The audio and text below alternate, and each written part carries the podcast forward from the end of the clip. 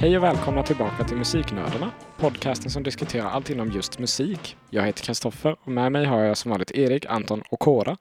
Förra avsnittet var ju vårt första där vi introducerade oss själva, så ifall ni är intresserade av att höra det så finns det ju på Spotify och ja, nästan överallt där det finns podcasts.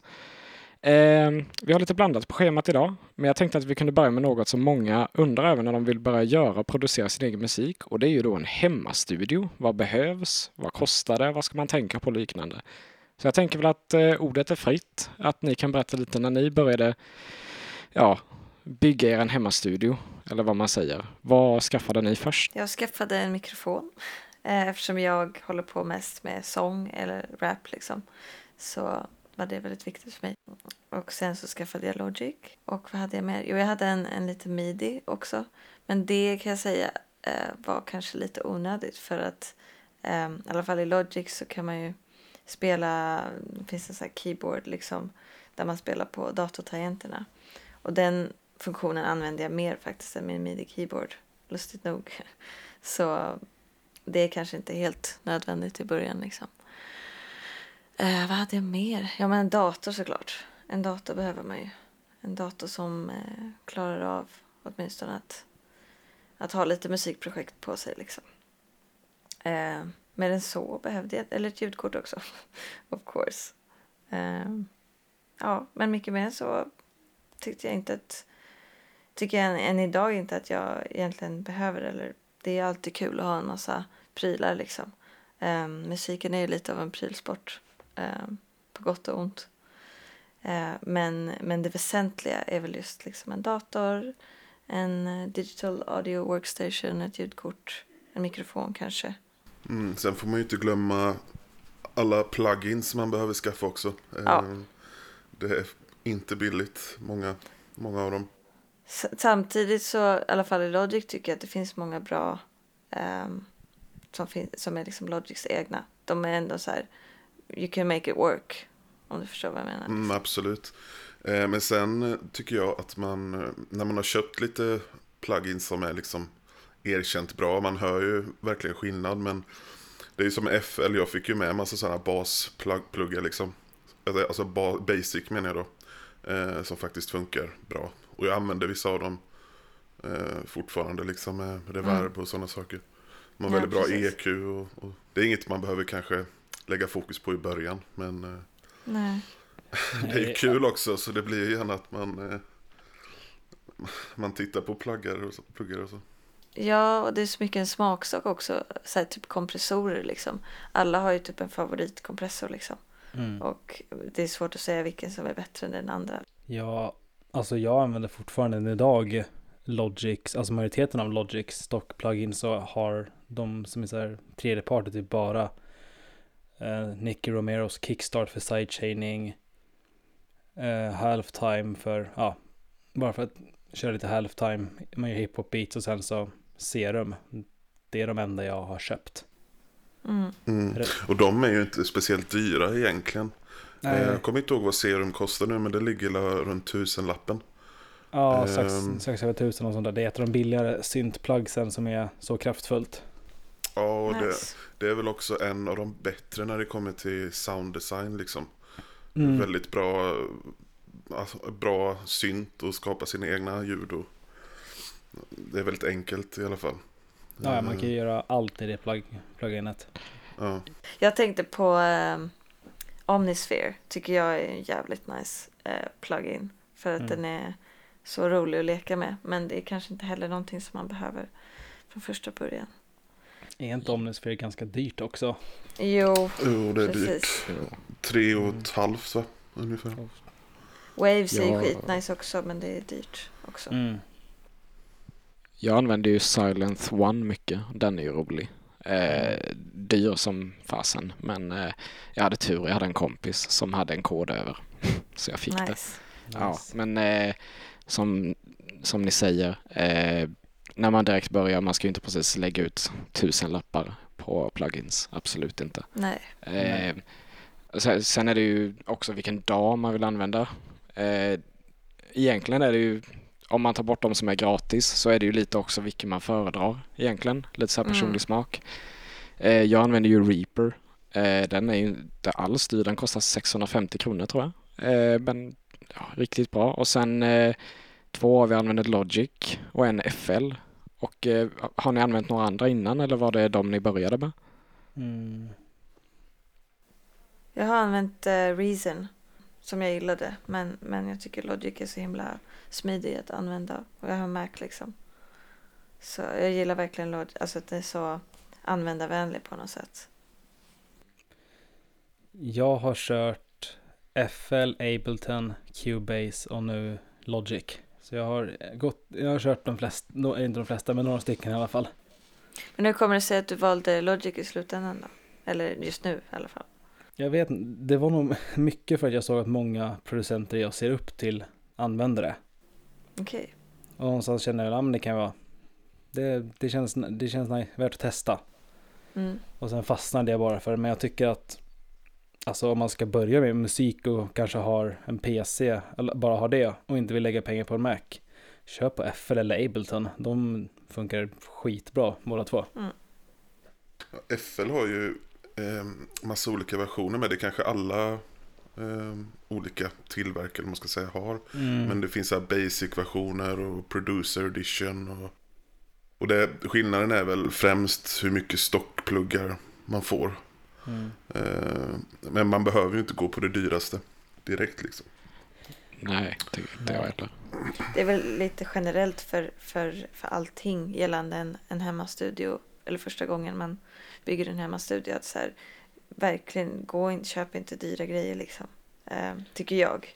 Nej, jag, jag håller med dig 100 procent. Eh, eh, dock så är det ju också ett slags, vad ska man säga, ett visst commitment man gör när man Mm. går för att bygga en hemmastudio. Visst, som du säger, man ska ju inte gå och köpa det dyraste, men samtidigt om man vill satsa på en hemmastudio då ska man ändå köpa bra grejer. Men bra grejer behöver Ja. inte betyda dyrt alls. Nej, exakt. Och jag tänker Det- så här, det finns så mycket second hand idag. Eh, Ja. Att du kan få saker för liksom en tredjedel av priset. Och sen också att det är liksom som du sa att, att bara för någonting är billigt betyder inte att det eller relativt billigt kan man väl säga. Men, men bara för att det inte är jättedyrt betyder inte att det är dåligt liksom. Det finns jättebra budgetprodukter. Verkligen. Ja, så om man ska bygga en hemmastudio så är det enligt mig det man ska spendera pengar på först. En dag och ett par hörlurar. Mm, jag håller Det- med. Det är väl Ja. lite egentligen det man behöver i början. Mm. Hörlurar är en sån grej som jag tänker så här. Vill man verkligen sitta och mixa musik så, så investera i ett par bra hörlurar liksom. Mm. Ja, mina, gick, mina gick på 2000. Eh, Mm. Men det är exakt som du säger. Eh, investera i ett bra par hörlurar. För det gör verkligen sån stor skillnad än att sitta med ett par 300 kronors Sony. än Ja. med sådana här riktiga studiohörlurar. Exakt och det liksom tar ju bort det här akuta behovet av att ha monitorer. Liksom. Man behöver inte ha monitorer tycker jag från början. Liksom. Det räcker med ett par riktigt nice lurar. Mm. Det man behöver är ja, precis lurar och sen en bil så att man kan göra biltestet. Eh, nej, Ja, jag skojar bara. Nej, men, för då blir det jävligt dyrt helt plötsligt Ja. kanske. Men, eh, nej, men lurar som ni säger är väl det absolut viktigaste. Eh, någonting jag tänkte på också, det finns en jättebra hemsida för att liksom eh, prata med andra producenter eller musiker och eh, få veta vad, vad den bästa utrustningen att investera i är. Eh, gearsluts.com eh, Sluts med Z. Kan lägga en länk till den också. Men superbra Ja. hemsida. Ja, det Eh, låter ju bra. Eh, något, något jag... Oh, ursäkta, avbröt jag dig där? nej. Nej. Något jag tänkte på är ju det här också som, eh, ja, kriget. Mac eller Windows. Eh, vad jag har hört, jag vet inte, jag tror inte det gör sån stor skillnad. Det finns ju vissa typ Ableton, funkar ju bara på Mac. Eh, men annars, jag, är, är det, vilken är det som inte funkar? Det är någon som, Logic. Logic är det, förlåt. Logic. Är. Alla DAS idag för, som finns på PC funkar på, på Mac nu för tiden också. Alltså som sagt så jag tror inte märket är det ni ska fokusera på först. Det är mer eh, hur bra datorn är, hur stark den är, vad Mm. mycket den klarar av. Eh, jag har en HP Omen. Det är en bärbar faktiskt, men det är en speldator faktiskt. Ja, men och det, mm, ja, det är många musiker som, som eh, eller filmskapare som går för speldatorer just för att de är så pass kraftfulla liksom att de pallar att jobba liksom med ett högt tempo Mm. så att säga. Men, men Mac och PC är väl också lite så här preferenser och det finns de här två lägren och Sen, eh, men, sen tror jag det ofta är så att, för jag vet att för eh, alltså, ett antal år sedan så hade ju Mac ett rykte att vara väldigt bra på, alltså den hade väldigt bra program för redigering av både film och musik mm, eh, och blev lite, liksom lite känd för det. Att Mm. ja, ville man hålla på med något kreativt så var det Mac man skulle köpa. Idag tycker inte jag att det är så, i alla fall inte med, med musikskapande. Där tror jag att det spelar liksom ingen roll. nej, Nej. Så länge man har tillräckligt mycket ramminne, så typ 16 gig, så är man all set. Ehm, vi nämnde det lite eh, i början. Midi-keyboard. Ja Mm. eller nej? Eh, vad tycker ni? Har ni midi-keyboards hemma? Ja, Mm. Eh, hur eh, ofta använder ni dem när ni gör låtar? Eh, ganska ofta, alltså det, jag brukar göra så att eh, jag kopplar in mitt midi-bord och så ja, slår jag lite ackordföljder och sånt för att liksom se om det låter bra. Men sen när jag liksom har gjort det, då eh, använder jag det ganska sällan. Kan vara nice ibland och, och köra trummor och sånt. Bara när man lyssnar liksom på det man har gjort och så gör man trummorna själv, man ska säga, slår dem på midi-bordet. Men eh, mer än så, alltså det, det är skönt att ha men det är inte nödvändigt. Jag, jag brukar göra som du sa att jag, om jag gör trummor då slår jag ju på keyboard men jag väl ska spela in det då ritar jag det rakt in i programmet så att det blir liksom eh, precis i takt. Du vet precis Mm. efter metronomen. Eh, men sen jag spelar ju grejer. Och här kommer lite det vi diskuterade förra veckan, det här musikteori. Eh, för vissa kan ju tänka att okej, jag kan inte spela piano, ska jag verkligen köpa ett keyboard då?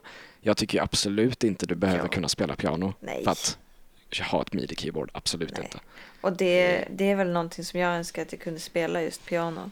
Och ha ett midi-keyboard gör det ju så mycket lättare att förstå liksom. Hela den principen. Utan att nödvändigtvis behöva kunna spela piano liksom. Alltså visst, det, det kan hjälpa när, när jag sitter och håller på såklart. Det kan hjälpa att man vet vad noten är och hur man tar ackord och sånt. Men det finns ju så mycket plugins och sånt. Alltså, så nej. Eh, jag tycker absolut inte man ska bli avskräckt av det faktumet. Tycker inte jag. Nej. Nej, det, känns, det är väl mer liksom, det är en kontrollapparat kan man säga. Ja, Liksom. Det, det är ju bara liksom det är lite mer hands-on liksom än att kanske sitta i programmet och rita liksom. Om man säger så. sen tänkte jag när vi är hemma i studios då, vi, vi har pratat lite om det med mikrofoner. För det kan jag också använda som, eh, vi spelar in avsnitten så här ju via en dag. Och vi använder ju våra mikrofoner. Eh, men om man vill spela in akustiska instrument och liknande, då kan man vilja ha mikrofoner. Eh, hur viktigt tycker ni det är att köpa mikrofoner? Jag tycker det är viktigt. Men som du säger, det beror helt på vad syftet är liksom. Men ehm, alltså jag vet inte. Nu har jag hållit på med musik några år och jag har klarat mig jättebra med en mikrofon liksom som är bra för sång eller röst. Men såklart, om man vill spela in instrument så är det nice att ha en, en bra dynamisk mikrofon, en bra kondensator liksom. I alla fall. Erik och. Anton? Eh, ja, eh, jag tycker att eh, det är jättebra att ha mikrofon. Eh, så att man har möjligheten också att spela in eh, akustiska instrument och så. Och det jag kan rekommendera är väl att köpa typ alltså SM58 eller SM57. Alltså så här kända mikrofoner som finns överallt och som alla använder. Och de är Ja. tåliga och liksom, de är inte så dyra. Eh, jättebra liksom. Eh, bra att investera i liksom. Mm. Alltså jag köpte inte mikrofonen förrän, ja, men förrän vi började det här programmet. Så jag har aldrig riktigt haft, aldrig sett alltså poängen för just min produktion att ha en att ha mikrofon hemma. Alltså att jag är allting elektroniskt. Mm. Men det är väl som ni säger att det beror väldigt mycket på vad för musik man vill göra. Vill göra akustisk, ska man köp, köpa en dynamisk mikrofon och vill göra typ hiphop eller sjunga sån där, köp en kondensator eller en dynamisk. Så det är mycket, det är mycket så här, tänka efter vad man vill göra för musik och där och ta beslut därefter. Mm.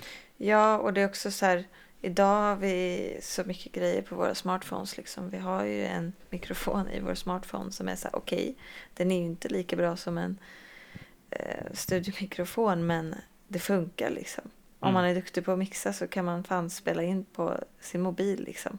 And Ja. make it work. Mm. Det är verkligen så här, man, jag tycker inte man ska ehm, låta sig hindras av att man måste ha en massa prylar från början. Absolut inte. Det vet jag. Eh, Gorillaz spelade in sitt fjärde platta, The Fall, eh, på turné. Och då använde de bara en, Exakt. en iPad. Mm. Och eh, ja, i typ hotellrum och sånt där.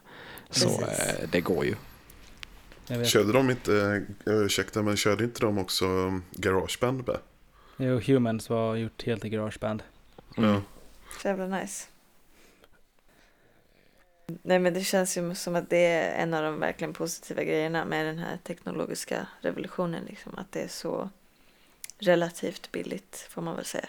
Mm. Eh, att, att göra musik. Liksom. Ja, alltså vad heter han? Lil Pump vet jag spelade in vocalsen till hans låt. Gud, tar man här Es- Escarit? Escatit? Något sånt där. Hans låt Escatit helt på en eh, iPhone. Det var deras mikrofon de använde. Sen så, Ja, så, länge man, så länge man mixar det korrekt så låter det bra. ja precis. Så verkligen att, att, att eh, liksom lära sig mixning och sådär väger ju tyngre än att ha en massa fin utrustning tycker jag. Mm, Eller så här, man måste ju förstå också så här, varför, om man ska köpa ett dyrt instrument, man måste ju förstå varför man köper just det instrumentet. Absolut. Men eh, vi vi har ju pratat nu om vad man ja, men egentligen kan behöva i en hemmastudio. Vad skulle ni säga, vad är, vad är realistiskt ungefär? Vad, vad lägger man ut ungefär? Vad kostar det att bygga sin egen hemmastudio? Mm. Vill ha med allting då, så här ljudkort, hörlurar, DAW och allt Alltså, det där. jag kan ju börja i alla fall. Jag har ju ljudkort, två mikrofoner, dator, ett eh, 25-tangents midi-keyboard och två monitorer. Eh, och om man tar bort kostnaden för datorn, för den köpte jag innan jag gjorde det här, då gick det väl upp ungefär i alla fall 5000 tror jag det kostade. Men då har ju jag monitorer och det behövs ju inte. Nej. Liksom, det är ingen nödvändighet. Så eh, Mm. ja, Ja, men det är i alla fall vad kostnaden för mig var. Min kostnad ska vi säga här. Tre mikrofoner, två högtalare, med ljudkort, midi-keyboard, dator. För den köpte jag för just för att göra musik och plugga. Alltså, ja. alltså jag är fan nästan uppe i typ 30-35 tusen tack vare det. Oj, vill, po, po, vill poängtera att datorn kostar 20 000 i iMac så. okej. Ja. Liten detalj. Ja, just det. Ja, det vet jag, mina mikrofoner är guld och allt det där. Ja. Nej, men eh, om man inte räknar in datorn, så säga, när jag började, ja men runt 2-3 tusen kanske hamnade jag på i början. Om man räknar in liksom Logic och allting också. Jag vet inte vad Logic kostar idag, men, men runt 1500 kanske. Jag vet inte. Jag tror det kostar typ 1800 eller så- jag tror det har gått upp en, lite. Okej, ja men runt 3000 kanske för mig i alla fall från början. Så det är inte så farligt. Men det är ju relativt till vad man, vad man har råd med liksom. Och jag, för min del så är det väl kanske, jag skulle gissa på typ 10 000. Men då har jag ju alltså, då är det ju grejer som absolut inte behövs egentligen. För att sätta igång liksom. Med mikrofoner och sladdar och ljudkort och två stycken midi-bord. Och sådana saker. Det är liksom, som sagt det enda som behövs är ju ett program och ett par bra hörlurar. Det är väl det viktigaste liksom. Ja, Och där eh, Mm. kan man ju som Anton nämnde AKG-lurarna innan och det är skitbra lurar. Jag har ett par AKG. Eh, de kostade väl, det kanske är den modellen du pratar om, men så det är väl 500-600 liksom. Mm. Och de är, det är studiolurar också så de är liksom anpassade för det. Eh, ja, så jag, 2000 kanske man realistiskt får lägga ut med ett DAW och ett par hörlurar. kan jag Mm. fick in lite om hörlurar också att eh, tänk på om det står DJ-hörlurar i, i beskrivningen eller inte. För DJ-hörlurar är ju, har ju lite mer boost i lägre frekvenser och högre för att man ska kunna DJa och beatmatcha bättre. Medan studio är ju helt platta. Exakt. Så det är något man ska kolla upp noggrant också. Precis. Och eh, vi har ju pratat om att mixa. Man kan ju absolut, det finns ju massa olika tutorials ute på YouTube som man kan lära sig att mixa. Men jag tycker ju att mixa är också lite så här trial and error. Att man prövar Mm. sig fram. Eh, och så lär man ju sig till sist. Så, Ja, eh, ja använd, man, jag mixar alltid med mina lurar och sen lyssnar man liksom. Jag har lite skräplurar eh, liggandes liksom och telefonlurar och sånt. Precis. Lyssna på det i det också. Mm. Så att det inte låter skit i det, så att man inte blir lurad av sina studiolurar liksom. Det tror jag Mm. verkligen är en, en nyckel eh, som många större producenter liksom också gör. Att så här, de lyssnar i typ mono, de lyssnar i alla möjliga olika hörlurar för att vara säkra på att så här, ja, men, vem som än lyssnar i vilket medie som helst kommer att få en Mm. bra upplevelse.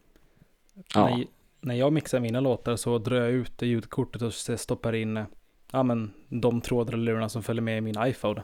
För det är Mm. antagligen, det är sådana hörlurar de flesta nog kommer lyssna på låten i. Exakt, exakt. Ja. Men sen vill jag också slå ett slag återigen för second hand. För att många musikprylar är liksom byggda för att hålla länge. Second hand kan vara super nice kvalitet liksom för, Mm. för ett mycket lägre pris. Så att man ska inte vara rädd för att... Jag, jag kollar alltid liksom om det finns second hand först innan jag köper någonting nytt. Liksom. Ja, som man inte, för jag kan ju tänka, jag vet man är ute, ni vet ju hur det är, man är på en sida så ser man en utrustning och man blir helt begeistrad och bara åh det där Ja. måste jag ha. Men Mm. inte falla för det där och köpa det direkt utan spendera en kvart på att titta runt som du säger. Eh, Ja. Och då kan man hitta något jättebra. Jag vet, jag hittade ett midi-keyboard för två veckor sedan för 150 spänn och det är 49 tangenter på det. Så Så det är ju, jävla nice. Mm. ja. Så det var, ja men man kan ju ifall man letar lite. Mm. Så, det, ja, men så, så där har ni ungefär ja, men en hemmastudio, hur mycket det ska... Ja, ni får vara beredda att lägga ut. Som sagt, det är ju lite, det är ju lite pengar men samtidigt så får, har man så mycket kul när man väl har gjort det. Man, man köper Eh. inte exakt allting på en gång heller. Nej, nej, det gör man ju inte. Eh, Man bygger ju upp. Det är som tatueringar. När man väl har skaffat Ja. en så kan man inte sluta. Säger jag som inte har en enda tatuering. Men Ja. jag vet hur det är. Jag kan, eh, jag kan, eh, vad heter det, approve that statement. Ja. Det- Gud, jag har Men funderat på tatuering i fyra år och nu har jag fortfarande inte gjort någon. Men ja, nej. jag vet väl vad som händer. Ja, hela armen Mm. Anyway. Ehm, tänkte vi, vi kan gå över från hemmastudio för vi har pratat lite om att skriva en låt. Eh, processen att skapa en låt lite. Eller Just låtskrivande skulle vara kul att höra lite snabbt. Hur börjar ni när ni skriver ett nytt beat eller en låt? Liksom vad är er startpunkt? Mm. Ehm, jag börjar alltid med att ta ut en eh, ackordföljd jag gillar och eh, fixar med, med, med melodi. Så kommer liksom trummorna sen. Och basen. Ehm, så börjar jag med så att jag har en schysst ja, melodi och ackorder. Eh, eller ackords. Eh, och sen bygger vidare på det liksom. Mm. Ja. Lite samma här om jag producerar så är det oftast att jag typ leker runt lite tills jag hittar nice ackord liksom. Så får man utgå från den känslan liksom som ackorden har. Eh, men när man skriver så är det lite svårare tycker jag. Alltså när man ska skriva en låt, eh, text. Det är ju väldigt, alla har ju sina olika sätt och det är alltid någonting man typ eh, vill utveckla eller så här, den förmågan att kunna skriva liksom. För det är inte alltid helt lätt. Men jag brukar ibland så skriver jag liksom om jag har ett beat som jag gillar väldigt mycket så skriver jag till det eller så kommer det bara till en vilket är så jävla nice känsla. Eller så har jag, så jag har hur mycket notes som helst på min dator och min telefon för att man så här, kan vara ute på stan typ och bara oh, det här var en nice mening typ så här. Så skriver man ner det.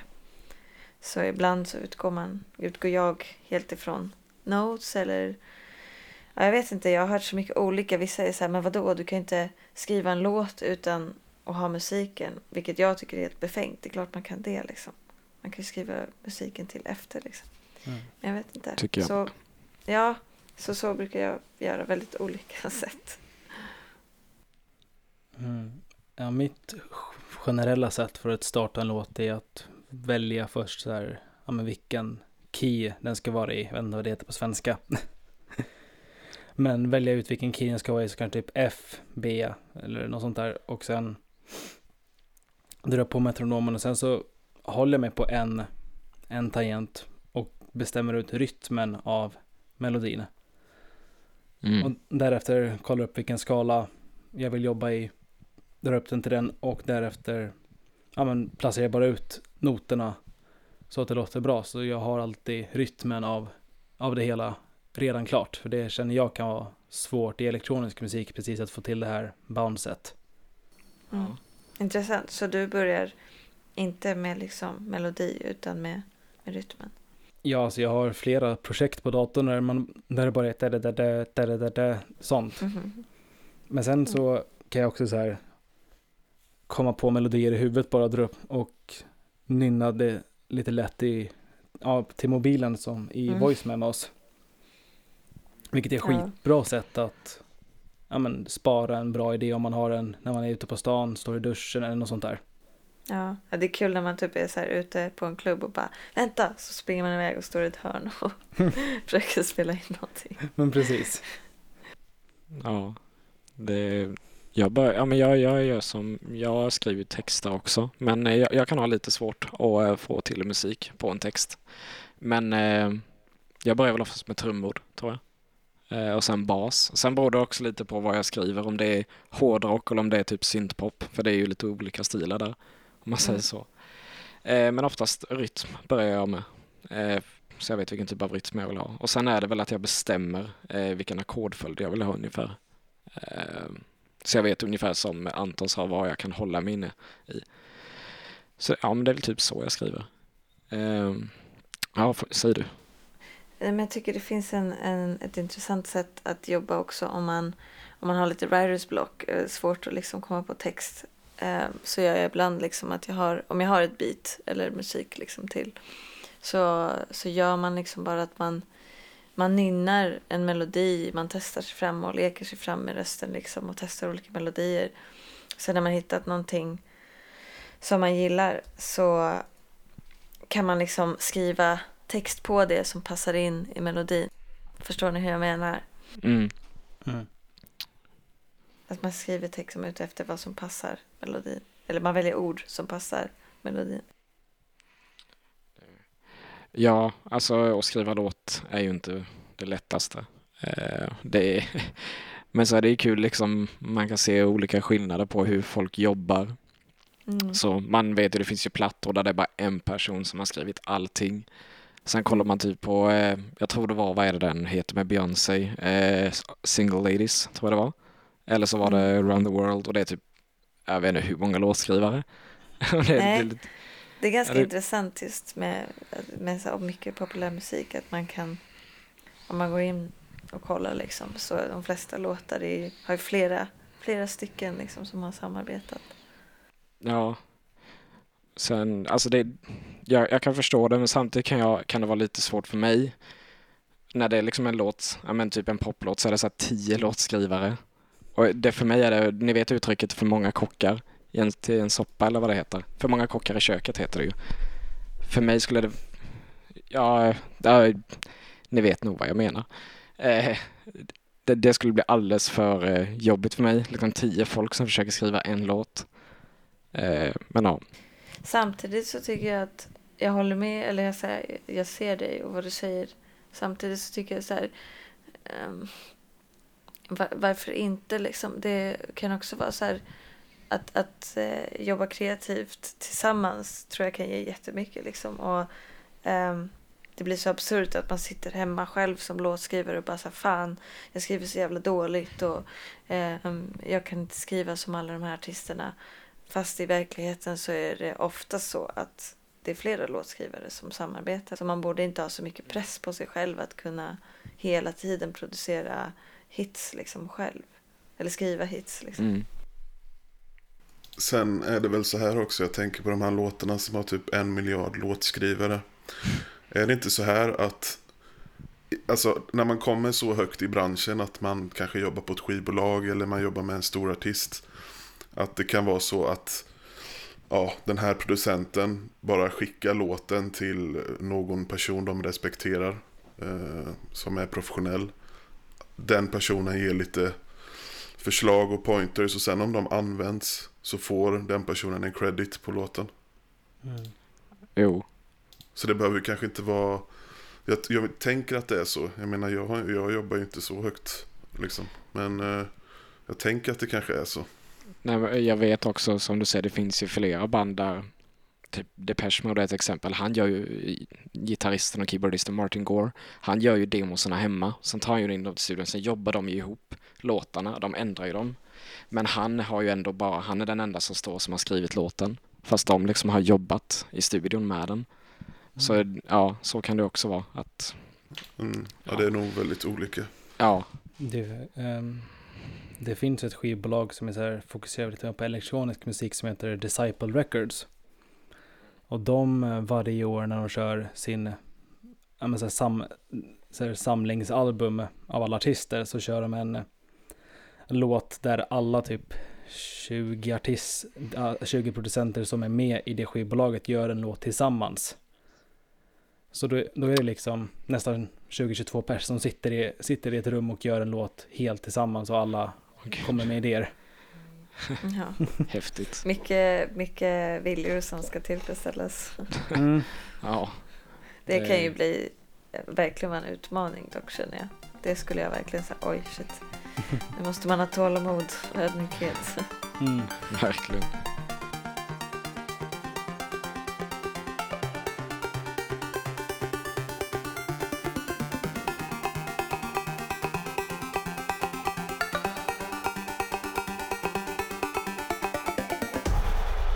Jag tänkte lite på det när vi pratade om så här skriva åt andra, så här ghost producing och ghostwriting. Mm. Har ni några, alltså era åsikter om det? Jag tycker egentligen att det är fan helt okej. Mm. För jag vet, inom EDM är det ganska vanligt de här DJsen som jag tror jag har läst att eh, Tiesto, nej inte Tiesto utan David Guetta Mm. använder typ nästan bara Ghost, eh, ghost Producers. Och det, jag tycker att det är helt okej för att alla är inte den här personen som vill stå på scen och liksom vara den som syns. eh, Utan bara vill producera musik. Ja, nej, alltså det finns Och- ju, ja förlåt. Ja, och med Ghost Producing och s- så kan man det. Liksom. Mm. Folk kan vara professionella producenter och aldrig stå på en scen. Eh, och Ja. det är helt okej. Det finns ju en producent just inom IDM som heter Martin van Vorbeck som är, jag tror det är den mest kända ghost producern inom IDM. Jag tror han har gjort mm, produc- ghost producer och majoriteten av alla stora DJs som använder sig av ghost producer. Nej, jag skulle bara säga Mozart. Han var ju en eh, ghostwriter faktiskt.